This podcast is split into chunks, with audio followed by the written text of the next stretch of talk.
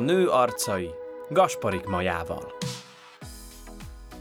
Jó napot kívánok, köszöntöm Önöket! A nő arcai mai témája a korona súlya, második rész, avagy a középkori angol királynék története. Kik az angol történelem ismert és jeles királynői, királynéi? Mi a közös első Erzsébetben, Viktória királynőben és második Erzsébetben? Miért olyan kevés a királynő, és miért gyakoribb a királyné? Különbségek és miértek. Arról is szó lesz, ha egy nőt nem fogadtak el, az miért volt? Ezekre a kérdésekre keressük a választ a nőarcai mai részében. Dr. Szegfő Laura történész lesz segítségemre, aki a Pozsonyi Koménius Egyetem történelem tanszékén doktorált, és a kutatási területe a középkori királynék politikai tevékenysége. A műsor végén pedig néhány sorozatot is kiemelek, ha felkeltette az érdeklődésüket az angol történelem. Legyen szó akár valóságról vagy fikcióról. Most azonban először jöjjenek a tények és a történelem, amelyben a nők kerülnek fókuszba. Kezdünk, tartsanak velünk! Nagy szeretettel köszöntöm a nő arcaiban Szegfű Laurát, aki a Pozsonyi Comenius Egyetem történelem tanszékén doktorált, és a kutatási területe a középkori királynék politikai tevékenysége, és már is folytatom, mert hogy itt még nem teszek pontot. Szia, Laura! Szia, jó napot kívánok! Köszöntöm a kedves hallgatókat! Nos, hát ahogy mondtam, szeretném folytatni, mert hogy ugyan ma sokkal nagyobb kitekintést fogunk itt a nő arcaiban tenni, hiszen nem csak a középkorra fogunk fókuszálni. Szerintem nagy fókuszt kapott az angol, illetve a brit királyi család, és szeretnék most egy ilyen kitekintést itt a nő arcaiban, és erről fogunk egyebek mellett beszélgetni, illetve arról, hogy a történelem vajon, vajon hogyan is ismétli például önmagát. Olyan összefüggéseket fogunk keresni, amelyekre lehet, hogy így első körben nem is gondolnánk, nem biztos, hogy tanultuk az iskolában, vagy nem biztos, hogy emlékszünk rá például. De ha itt visszatérek a tanulmányaidhoz, mielőtt még belevágunk a közepébe, akkor a középkori királynék politikai tevékenysége, ez volt az, amit te választottál magadnak kutatási területként, amiben te elmélyültél, és amiben te belemerültél. Ez az angol történelemben mennyire volt jelen? Um, igen, ezt a kutatási területet még a tanulmányom kezdetén választottam, mert akkor úgy tűnt nekem, hogy ez egy aránylag kevésbé földolgozott téma, főleg nálunk. Angol nyelvterületen ez már sokkal népszerűbb, és, és mostanában az elmúlt pár évtizedben nagyon is jelen van ez a téma, és egyre több publikáció, akár könyv, akár cikk jelenik meg ebben a témakörben az angol királynékról, és az úgymond elfeledett középkori királynékról is, mert nagyon sokáig ez tényleg egy elfeledett korszak volt, és hogyha ha foglalkoztak is a történészek királynékkal, vagy akár királynőkkel, mert ugye a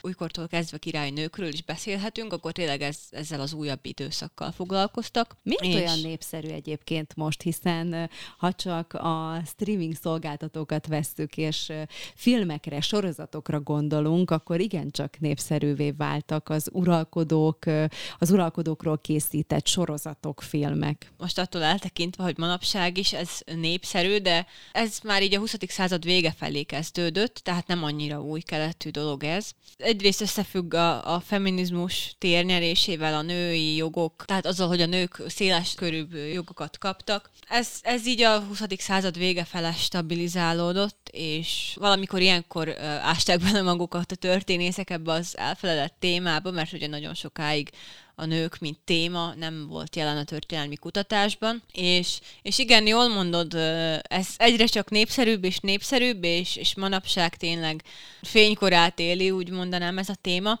bár azért kiemelném, hogy a sorozatok bár valamilyen történelmi alapokkal rendelkeznek, de azért nagyon sokszor a, az eredeti történet picit más, más volt, mint az, amit a sorozatokban látunk, de mint szórakoztató műfaj, műfajt én is kedvelem őket. Mennyire nehéz így például sorozatot nézni, most ez csak egy kis kitérő szubjektív vélemény, amikor is mondjuk nem történelmi tényekre alapul. Tehát nem tudom, hogy kinek nehezebb ez. Annak, aki mondjuk annyira nem jártas a témában, és kap egy képet, amit, hogyha nem néz utána a dolgoknak, akkor lehet, hogy azt hiszi, hogy a dolgok úgy történtek, ahogy mondjuk egy sorozatban, egy filmben látja. És közben pedig ott van egy történész, aki tudja, hogy a tények teljesen mások voltak, más, máshogy történtek a dolgok, nyilván egy színezett változatát látjuk, egy kiszínezett változatát látjuk, a, a, és lehet, hogy a történelmi tények közül lehet, hogy csak egy ö, kis ö, porszem az, ami valóság alapot képez az egészből. Kinek nehezebb? Nekem. nem, egyébként igen, ez, ezt nagyon nehéz így, így történészként földolgozni, úgymond, hogy ez fikció, és most nem rágódunk azon, hogy, hogy ez nem így volt, az nem úgy volt, és, és tényleg ez nem dokumentum, ugye. De közben pedig adja magát a dolog, hogy most én konkrétan egy sorozatot kiemelnék, mert hogy most fejeztem be Sarolta királynit, ha már ugye az angol történelemről beszélgetünk, és hát ugye nyilván ott megtörtént az, hogy például fekete színésznőt, fekete bőrű színésznőt választottak Sarolta királynének, óriási nagy felháborodást keltett egyébként, hogy ilyet hogy mertek egyáltalán, tehát hogy voltak ilyen visszhangok is, a színészi alakítása viszont fantasztikus volt a színésznőnek, de hogyha azt veszük, hogy, hogy igen, itt van Sarolta királyné példája, és a, és a róla készült sorozat, nyilván fiktív történet, ugye a Bridgerton történet egyik folytatása, vagy egyik új, új része, és igen, ott van, hogy fikció. Igen, egyébként ennek, ha történelmi alapja van-e, az kérdéses, de, de van ott egy ilyen úgy, úgymond történelmi pletyka alapja, hogy vannak feltételezések, hogy Saroltának lehettek fekete bőrű afrikai felmenői, de hogy itt nyilván egy nagyon sok generáción átívelő kapcsolatról lehetett szó, és erre alapoztak a, a sorozat készítői, bár ugye a sorozat eleve úgy kezdődik, hogy ez fikció, történelmi tényeken alapuló fikció, szóval igen, annyit tennék még hozzá ez, ezzel kapcsolatban, hogy arra jók szerintem ezek a sorozatok, hogyha tényleg valakit érdekel a történelem, akkor bizony utána nézzen, hogy, hogy most ebből mennyi volt igaz, mennyi nem, és például én is így kezdtem érdeklődni a, a konkrétan a, a királynék, az angol történelem és a királynék iránt, hogy mondjuk elolvastam egy könyvet, egy történelmi regényt, vagy megnéztem egy filmet, és akkor mindig utána kerestem, hogy ennek mi a történelmi alapja. És szerintem ilyen inspirációnak nagyon jók. Ki volt az a királyné, vagy ki volt az a személyiség, akinek, akinek a hallatán, vagy akiről olvastál, láttál valamit, és akkor ő volt az a döntő pont, amikor is elhatároztad, hogy igen, ennek a témának fogod szentelni a tanulmányaidat. Volt ilyen? Hát ez egy nagyon nehéz kérdés, mert tényleg... mi, mi volt ennyire vonzó egyébként az angol történelemben számodra? De hogyha konkrétan belemegyünk, akkor nálam ez egy például a Fehér Királyné című sorozat akkoriban jelent meg, amikor elkezdtem a, az egyetemet, és persze nyilván akkor már tudtam, hogy konkrétan milyen korszak érdekel, illetve hogy a, a nők történelme érdekel. Az egy kifejezetten jó történelmi sorozat, összevetve a többivel nagyon valóság alapú, tehát ott... Igen, ott, a történész miből dönti el, vagy minek köszönhetően dönti el, hogy egy történelmi sorozat az jó vagy nem? A hitelessége a mérvadó? Hát ez, ez nagyon individuális, hogy ki, kinek mi. Számomra igen, én például kifejezetten szeretem, hogyha tényeken alapul a sorozat, már amennyire lehet, természetesen azt latba kell vetni, hogy sok, sokszor ezekből, ebből a korszakból, sokszor tényleg olyan kevés forrásunk maradt fönt, hogy, hogy olyan mértékű betekintést ebben a korszakban nem is tudunk szinte megengedni, hogy, hogy egy komplet sorozatot készítsünk róla, így, így mindig van egy kis hely a, a fikciónak, hogy, hogy ez több vagy kevesebb, az, az a sorozat készítőkön múlik, de ez az említett sorozat tényleg. Történész szemmel nézve is egy történelemhez hű sorozat volt, és akkor ez a gondolat így megfogalmazódott a fejemben, hogy Igazából én előtte sosem hallottam ezekről a nőkről, ezekről a királynőkről, és mégis mennyire befolyásosak voltak. És igen, ez furcsa vagy nem furcsa, de ehhez tényleg egy sorozat kellett, hogy ezt így tudatosítsam, és akkor aztán már utána olvastam komolyabb publikációkban is ezekről a királynőkről, és egyre jobban megtetszett a téma. Igen, és hát az is nagyon érdekes, hogy rendkívüli módon képesek befolyásolni azt, hogy mi szimpatizálunk egy adott korra, korszakkal, történelmi személyiségekkel. A mai korban feldolgozott egyrészt színészeknek, másrészt sorozatoknak és, és filmeknek köszönhetően. Tehát tulajdonképpen, ha belegondolunk, akkor, akkor a szimpátiánk a mondjuk egy adott történelmi személyiséggel, korral kapcsolatban az annak köszönhető, hogy mondjuk mennyire sikerül jól feldolgozni filmben, könyvben, sorozatban azt a témát. Ezt jól sejtem. Persze, van, vannak ott nyilván ilyen szintű motivációk is a, a sorozatok készítőiből. Ugye Mert például a 8. Henrik erre jó ezt példa. mondani, hogy, hogy egy jóképű 8. Henriket behozni, egyből szerintem egyrészt a sorozat népszerűségéből is adódóan hirtelen nagyon szimpatikussá tudott válni egy darabig 8. Henrik személy hülye, bár ha belegondolunk, ami viszont egyáltalán nem megmosolyogtató, tehát a valós tények viszont, és az, hogyha ebbe a korba, ha belehelyezkedünk, és a valóságát nézzük, akkor ez kicsit sem szimpatikus. Igen, bár mondjuk másrészt pedig 8. Henrik szerintem pont az a történelmi szereplő, akit mindenki ismer, és mindenkinek a legelőször az jut eszébe, hogy hat felesége volt, ebből kettőt lefejeztetett, úgyhogy azért szerintem vele kapcsolatban mégiscsak bennünk van ez, hogy bármennyire is jóképű színész alakította, azért nem volt az, az annyira szép és jó, és ezt azért a sorozatok is ö, szerintem szemléltetik. Ami a tanulmányaidat illeti, és ha most visszatérek egy kicsit hozzád, akkor a középkori királynék politikai tevékenysége után, tehát ez az, volt az angol történelem, áttértél a magyar történelemre. Mi okozta ezt a váltást, vagy minek volt köszönhető ez a váltás? Itt elsősorban arról volt szó, hogy a, a magyar történelem ebből a szempontból sokkal kevésbé völtárt, tehát ezzel a témával még kevesebben foglalkoztak. Ugye, amint mondtam, Angliában, angol nyelvterületen ez a téma már eléggé népszerű, és az angol királynék már aránylag jól földolgozottak, már mint történelmi szempontból, és Magyarországon, illetve nálunk, tehát egész magyar történelmet tekintve ez még egy nagyon új téma, és ott itt még volt, nagyon volt mit kutatni, és még mindig van mit kutatni, úgyhogy ez volt az első számú motiváció, meg hát ugye a, a, az a közelség, hogy mégiscsak a mi történelmünkről van szó ha az angol történelmet nézzük, és azt mondtad, hogy ez a terület, ez már igencsak jól kutatott, feltárt része a történelemnek.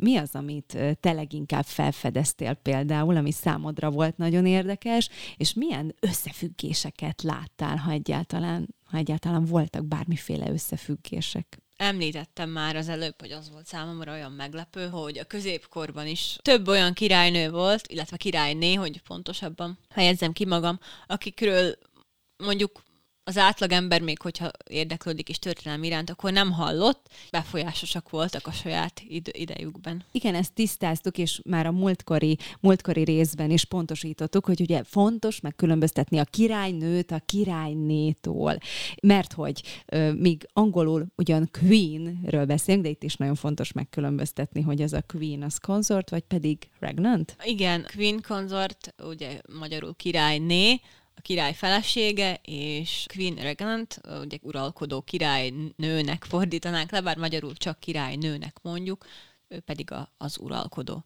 Igen, ez nagyon fontos e között különbséget tenni. És ha újra a tanulmányaithoz térek vissza, tehát középkori királynék politikai tevékenysége, miért csak királynék, és nem királynők? Mivel királynő nem, nem nagyon volt abban a korban, bár Ugye ez attól függ, hogy melyik országot nézzük. Például Magyarországon volt ural, uralkodó királynőnk, Mária, Anzsú Mária. Ez uh, haladóbb szellemre utalt egyébként, hogy, hogy máshol, máshol már volt például királynő? Nem nagyon fejezném ki így magam, hogy haladó szellem a haladó szellem, vagy minek, minek volt köszönhető az, hogy még mondjuk akár máshol már volt rá precedens, hogy legyen uralkodó nő, királynő, addig mondjuk az angol történelemben inkább királynékról beszélhetünk.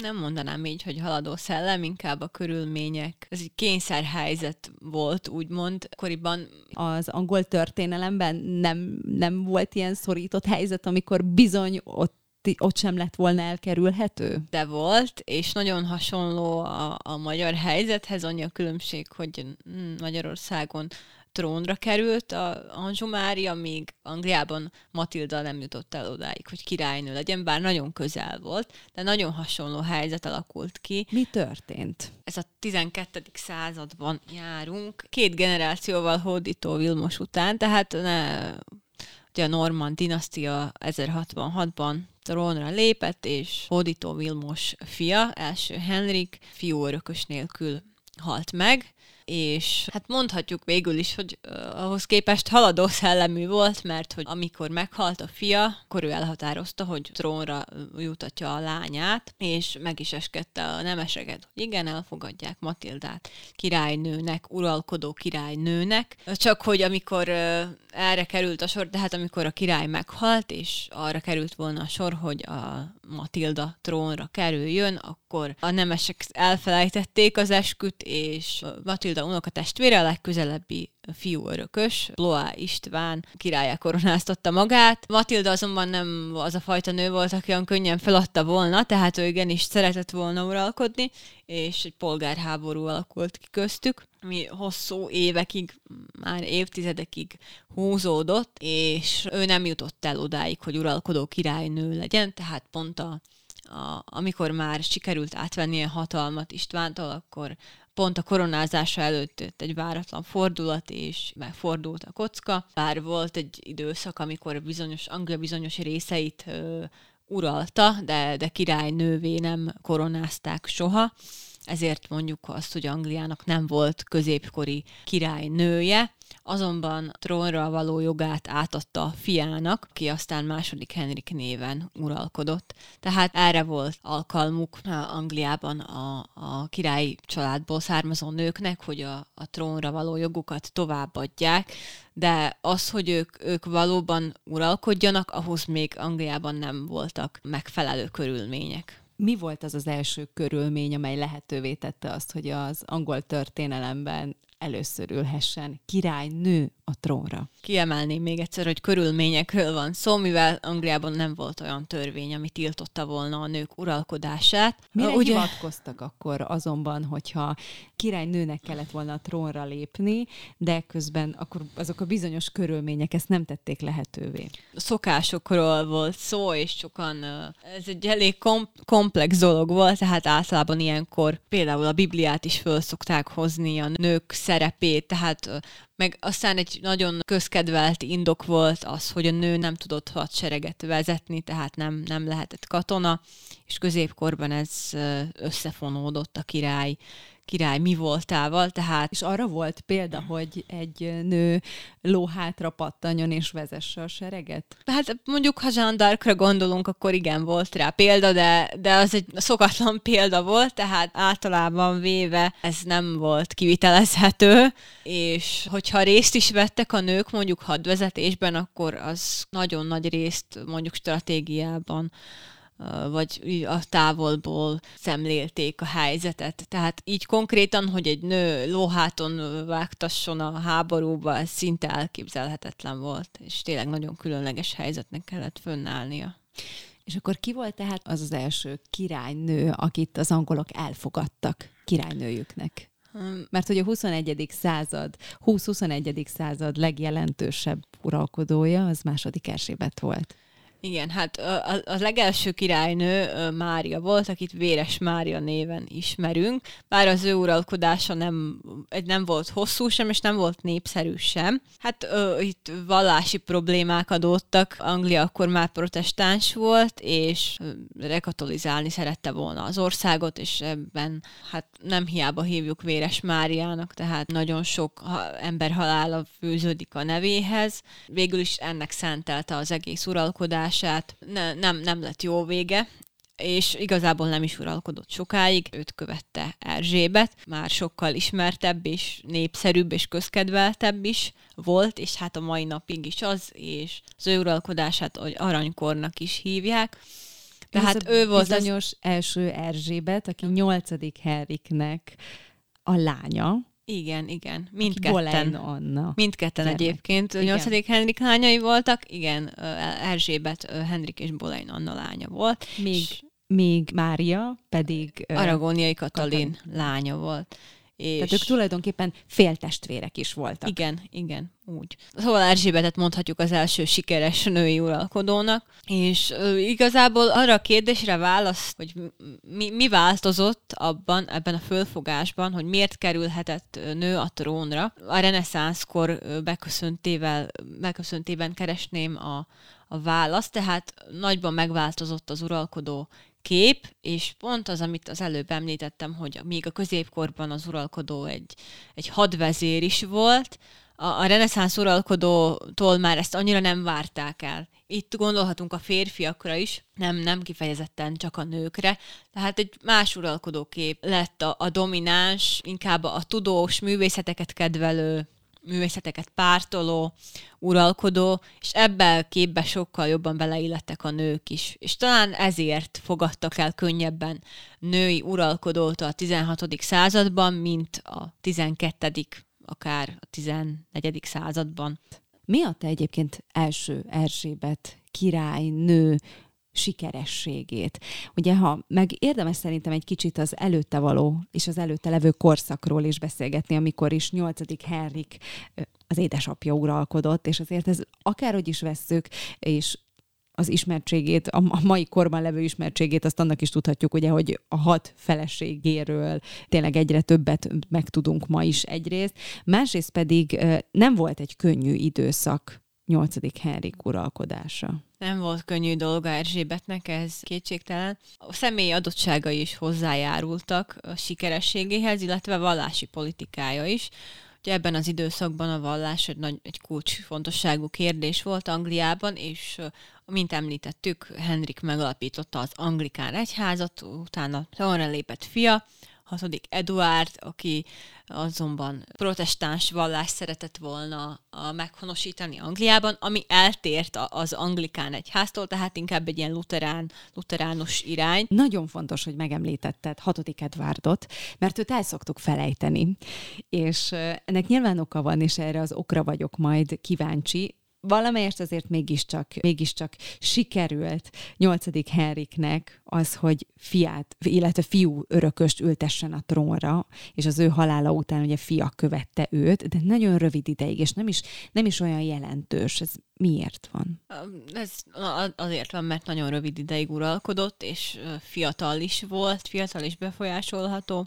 Helyette anyai nagybátyjai ö, uralkodtak, mondhatni, tehát fiatal korában meghalt, és nem, nem volt ideje, nem volt alkalma arra, hogy a saját terveit, saját gondolatait véghez vigye. Utána Mária lépett trónra, akit említettünk, megint egy nagyon éles váltás volt. A katolicizmust szerette volna visszahozni Angliába, és ezután az ország tényleg nagyon meggyötört volt, és ugye az emberek bármilyen vallásúak voltak, tartottak tőle, hogy, hogy milyen lesz Erzsébet hozzáállása, Erzsébet politikája vallási kérdésben, és ő egy mérsékelt vonalat hozott Angliába, és az ő célja nem az volt, hogy a más vallásúakat üldözze, hanem bár ugye protestáns volt, ő a, a Henrik által megteremtett anglikán egyházat képviselte, és ez volt Anglia első számú vallása az ő uralkodása idejében, de ugyan, ugyanakkor nem ö, büntette a más vallások, elsősorban a katolikusokra gondolunk, híveit ezért. Ez a politika sokkal jobb volt hosszú távú szempontból az országra nézve, és nyilván ez a népszerűségéhez is hozzátett. ha még maradunk ennél a korszaknál, akkor, és azokra a bizonyos párhuzamokra, hogyha így gondolunk, akkor bizony van egy kis párhuzamunk a múltban és a jelenben, ami összeköti, összeköti ezt az időszakot a jelennel. Mert hogy Meghan Markle egyik felmenője, tehát Meghan, nem, nem Meghan Markle volt az első, aki a családjából közel került az angol trónhoz. illetve az angol igen. királyi családhoz. Igen, van egy ilyen érdekesség, amit ö, a, a, az esküvő előtt fedeztek föl, egy történész fedezte föl, hogy Meghan ö, egyik fölmenője, konkrétan Lord Hussey báró, a 15. és a 16. század fordulóján élt, 7. és 8. Henrik uralkodása alatt, és bizony ő is 8. Henrik egyik áldozata le, lefejeztette őt az uralkodó, m, mivel egy bizonyos lázadást nem tudott leverni. Szóval igen, ez egy érdekes, bár, bár nem túl pozitív kapocs a jelen és a múlt között. És ha már ezeknél a bizonyos kapcsolatoknál járunk, vagy ezeknél, a, ezeknél az összefüggéseknél, akkor első Erzsébet után nem tudom, említhetjük el rögtön Viktória királynőt, aki az angol történelem jelentős uralkodói között illetve közé tartozik. Nagyon sok a hasonlóság Erzsébet és Viktória között, úgyhogy mindenképpen jó ezt megemlíteni. Ugye két nagyon hosszú ideig uralkodó nőről volt szó, és talán tényleg Viktória királynő volt az, aki, a, akinek köszönhetően úgymond me- megszoktuk, vagy a, a, az akkori korabeli emberek is megszokták, hogy egy, egy nő is mm, hosszú ideig ö, és sikeresen uralkodhat, és egy korszak szimbólumává vált. Az is nagyon különleges, hogy három királynő ilyen sokáig tudott uralkodni. Ugye, ha a sorrendben veszük, akkor első Erzsébet Vikt, első Viktória királynő, illetve, illetve második Erzsébet királynő. Tehát ez is egy nagyon érdekes párhuzam. Igen, ők, ők mindhárman hosszabb ideig uralkodtak. Van hasonlóság a, a, abban, ahogy, ahogy, ők, ahogy ők vezették, idézőjelben mondom, hiszen a második Erzsébetnek inkább formális volt az a szerep, ami, ami jutott a trónon, de volt, van hasonlóság a három három királynő között? Erzsébet és Viktória között mindenképpen van hasonlóság, hiszen akkor már Viktória idejében is az uralkodónak is egy szimbolikus szerepe volt. Első Erzsébet uralkodása ehhez viszonyítva még egy más típusú uralkodás volt, tehát akkoriban még egy abszolútista monarchiáról volt szó, amikor az uralkodónak tényleg kulcsfontosságú szerepe volt, és pár voltak ö, tanácsosai, de ott az uralkodónál volt a döntő szó, míg Viktória és Erzsébet esetében te az ország irányítását már teljesen átvette a parlament, és, és az és uralkodónak... második Erzsébet. Második Erzsébet, igen, igen. És az uralkodónak megmaradt a szimbolikus szerepe, tehát az ő uralkodásuk ilyen szempontból hasonló, igen. És jön a kérdés megint csak, hogy a történelem vajon mennyire fogja ismételni önmagát, hiszen Viktória királynő olyan jelentős volt, hogy az ő aki őt követte a trónon, tehát a fia neve szintén nem egy, nem egy nagyon ismert. A hetedik Eduard neve nem annyira ismert, mint Viktóriáé, bár más szempontból nézzük, utána is elneveztek egy kor, tehát a viktoriánus kor után a, a Edward uralkodását Edwardiánus kornak hívják, és bár ez egy sokkal rövidebb időszak volt, az 1900-as évek elején uralkodott, és nem volt könnyű dolga egy olyan hosszú ideig uralkodó királynő után trónra lépni, mint Viktória volt, és ő egyébként majdnem olyan hosszú ideig volt trónörökös, mint Károly, tehát ő is 60 évig, Károly pedig még, ugye még hosszabb ideig, és mindenképpen van hasonlóság közöttük, illetve ahogy az uralkodásuk között lesz a hasonlóság, azt majd még csak meglátjuk a jövőben, de nagyon hasonló helyzetben voltak, tehát egész életükben arra vártak, hogy, hogy trónra lépjenek. Tehát azért van különbség a között, amikor egy fiatal férfi vagy nő kerül trónra, amikor még előtt áll az élet, és amikor egy életkorban lévő férfi vagy nő. Nőket tekintve, kik voltak azok, az uralkodói családban, akiket nem nagyon fogadtak el. Ugye ez még ma is itt történt, tehát még ma is történik hasonló a szemünk előtt, amelynek tényleg még a távolból is, de szemtanúi, fültanúi lehetünk a közvetített média által, de hogy a múltban kik voltak azok a nők, akiket nem fogadtak el? általában azok a nők voltak, akik valamilyen okból kifolyólag nem feleltek meg a, a királyné képnek, vagy ugye más családtagok feleségeiről is beszélhetünk, de általában van egy, volt és van is egy elképzelés, hogy milyennek kell lennie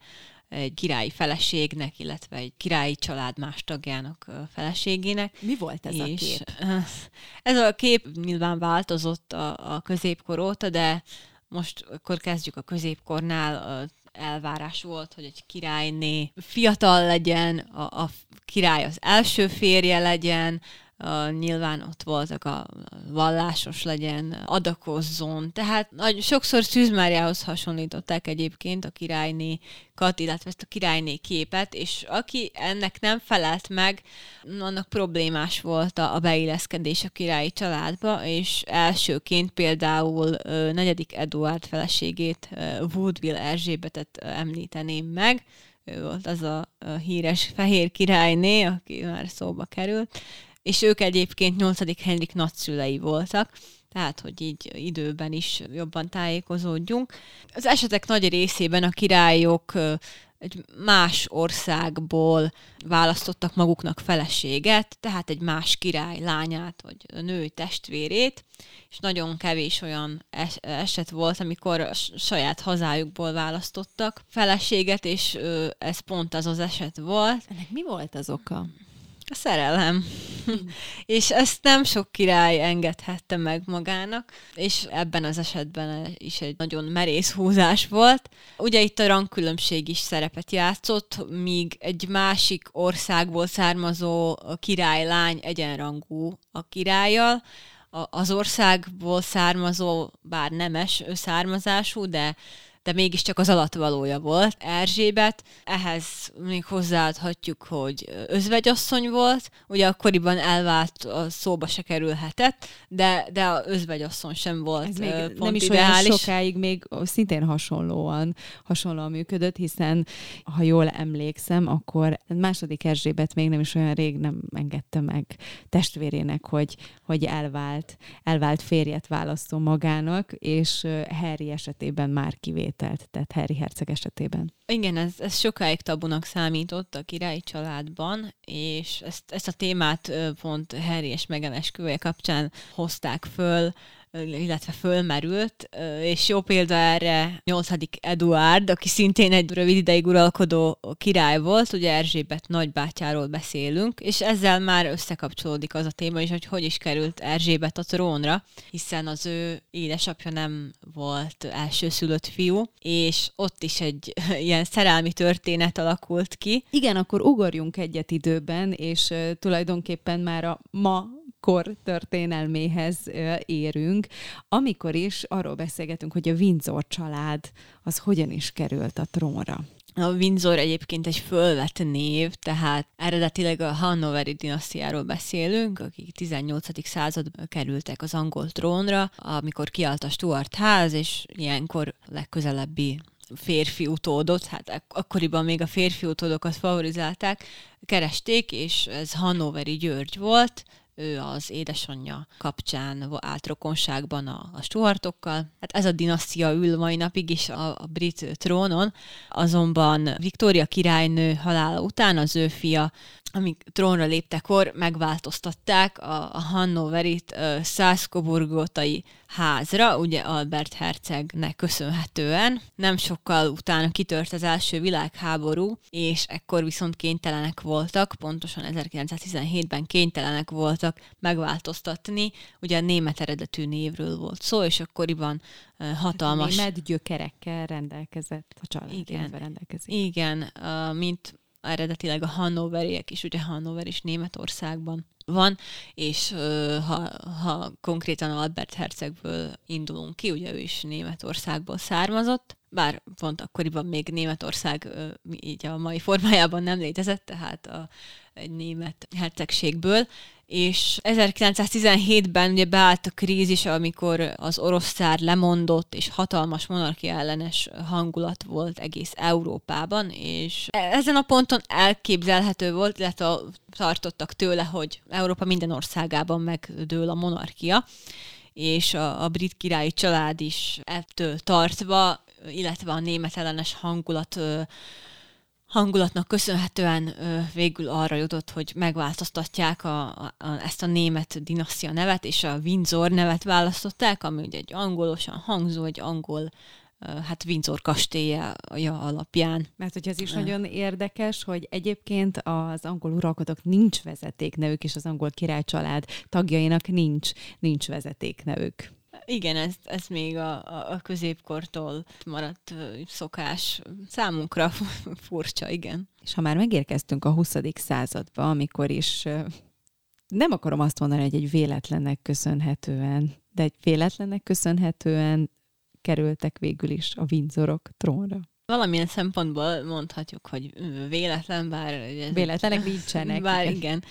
Arról volt szó, hogy ugye Erzsébet édesapja nem elsőszülött fiú volt, volt neki egy idősebb bátyja, aki 8. Eduard néven került trónra, de őt egyébként mindenki Davidnek szólította. Feleségül szeretett volna venni egy amerikai hölgyet, aki azonban visszatérve az eredeti témához egyáltalán nem illett be abba a képbe, ami, ahogy egy jövendőbeli királynét elképzeltek, még a 20. században sem, tehát vele az volt a, az első számú probléma, hogy kétszeresen elvált volt, és ez a tény, hogy egy olyan nő lenne királyné, akinek két előző férje még életben van, ez, ezzel nem tudott megbarátkozni a királyi család sem, de ami fontosabb, a parlament sem, és itt ez a dilemma állt fönn, hogy, hogy az uralkodó a trónt választja, vagy a szerelmet és legtöbben szerintem a trónt választották volna, de,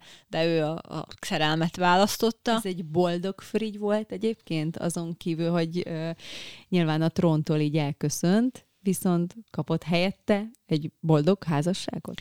Igen, ők, ők a, aztán a háttérben élték le az életüket egyébként Franciaországban, és az alapján, amit tudunk, igen, mondhatjuk, hogy egy hogy boldog házasság volt. És ezek a bizonyos párhuzamok, újra, újra visszatérek ehhez a szálhoz, mert ugyan Harry hercegnél talán nem merülhet fel, hogy ő legyen, ő, ő egy trónvárományos legyen, viszont itt is felmerült az, hogy igen, egy elvált nőt vegyen feleségül. Tehát ilyen tekintetben megint csak itt van egy bizonyos érdekes párhuzam. Igen, azonban ez tényleg nem régiben történt, ugye a 21. században voltak természetesen ellenvetések, voltak személyek, akiknek ez, ez nem tetszett, azonban most, most már konkrétan ez nem volt akadálya annak, hogy a királynő beleegyezésével feleségül vegye. Zárásként mit gondolsz, miért érdemes kicsit elmélyülni az angol történelemben,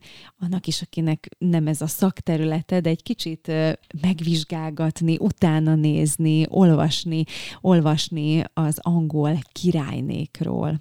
Mi volt neked például ebben a kutatási területben a legizgalmasabb?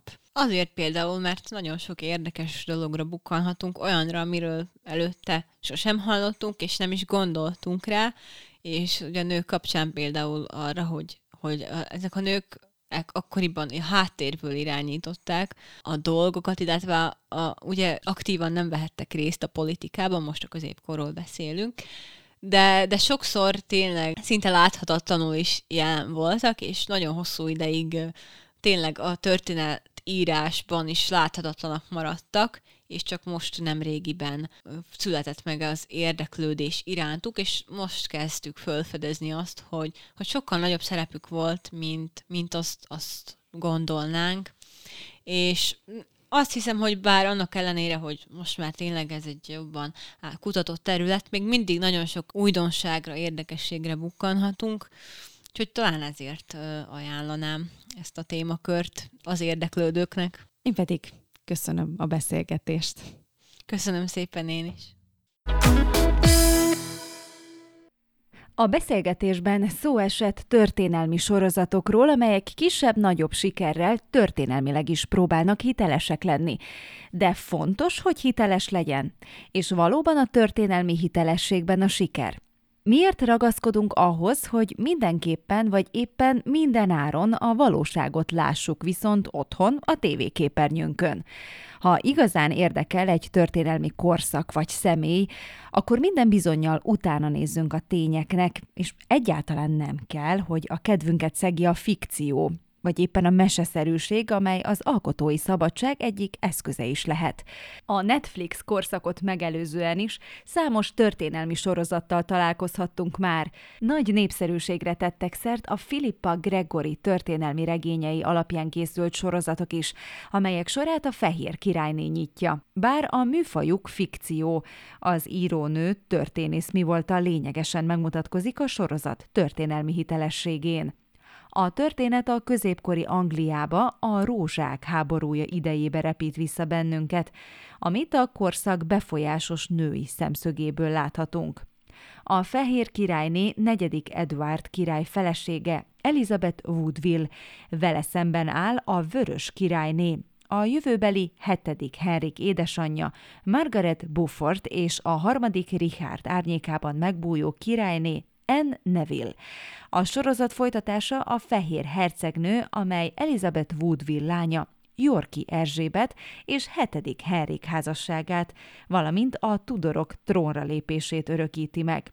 Végezetül pedig a spanyol hercegnő 8. Henrik első felesége, aragóniai Katalin első Angliában töltött éveit mutatja be. Továbbá itt van például a beszélgetésben is említett 8. Henrik életét és feleségeit bemutató Tudorok, amelyben szinte kendőzetlenül jelenik meg a szenvedély, intrika, becsvágy, árulás, és tulajdonképpen ez mozgatja a lenyűgöző történelmi drámát. A kegyetlen ám sok esetben igencsak jóképűnek ábrázolt uralkodót többször is láthattuk már a filmvásznon. Mostanában azonban egyre nagyobb népszerűségnek örvend film és sorozatfeldolgozás tekintetében, hogy uralkodó nők, királynék szemszögéből vizsgáljuk a múltat. Néha az a cél, hogy a nevük ismerté váljon, máskor a történelmi hitelesség, de van, hogy csupán a szórakoztatás a szándék. Ami a készítőket illeti, egyre bátrabban dolgozzák fel a történeteket, és nem félnek elrugaszkodni a valós történelmi tényektől sem.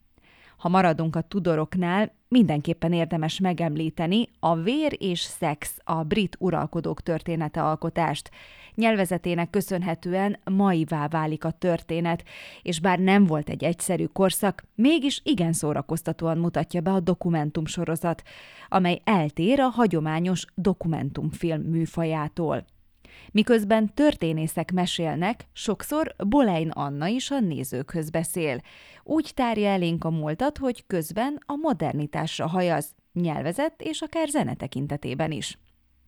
Az egyik legkedveltebb streaming szolgáltató keresőjét még csak böngészni sem kell, mert a legnézettebb sorozatok között lehet említeni a május elején megjelent Sarolta királyné életét bemutató kosztümös sorozatot. Gyorsan hozzá is teszem, hogy sokaknál kiverte a biztosítékot.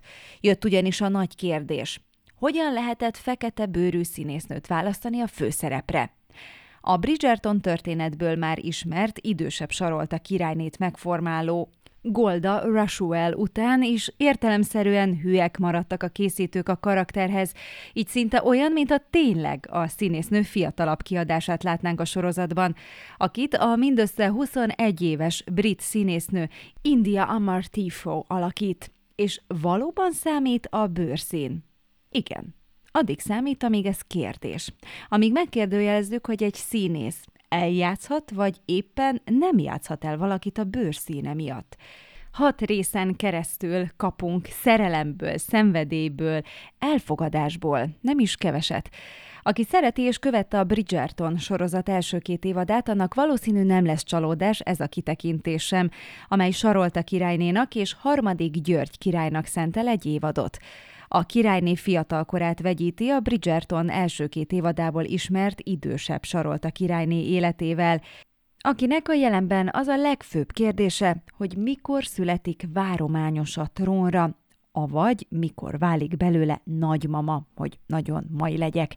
Addig a fiatal sarolta pedig próbálja megfejteni férje György király viselkedését, és azt is követhetjük, hogyan is válik hű társává. A New York Times bestseller szerzője Julia Quinn és a televíziós úttörő Shonda Rhimes tehát egy újabb mozgalmas, lendületes és felettébb romantikus cselekményét láthatjuk kibontakozni. Ha pedig a jelenkorból válogatnánk, akkor a második Erzsébet királynő uralkodásáról szóló történelmi drámasorozatot érdemes megnéznünk. A korona történelmi forrásokból merít, az udvarhoz közeli személyek beszámolóival fűszerezve mutatja be második Erzsébet királynő életét és uralkodását. Időben pedig a legközelebbinek érezhetjük a Meghan és Harry című sorozatot, amelyben ők személyesen mesélnek arról, hogyan ismerkedtek meg, majd az is kiderül, miért szakadtak el az uralkodói családtól. Bármelyik történetet is nézzük, mindig akadnak olyanok, akiknek elnyeri a tetszését a végeredmény, és bizony az ellentábor is ugyanolyan hangos lesz, akiknek hiányérzetük marad valami miatt. Akár fikció, akár a teljes valóságot hivatott bemutatni egy-egy film vagy sorozat, még a kanapéról is nézve, a koronának súlya van.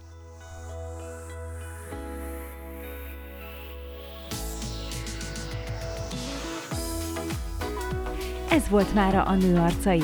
Ne feledjék, minden szombaton 16 óra 5 perckor jelentkezünk új résszel. Az ismétlést szerdánként ugyanebben az időben hallgathatják meg. Keressék a nő arcait a Pátria Rádió Spotify oldalán is. A legközelebbi viszont hallásra!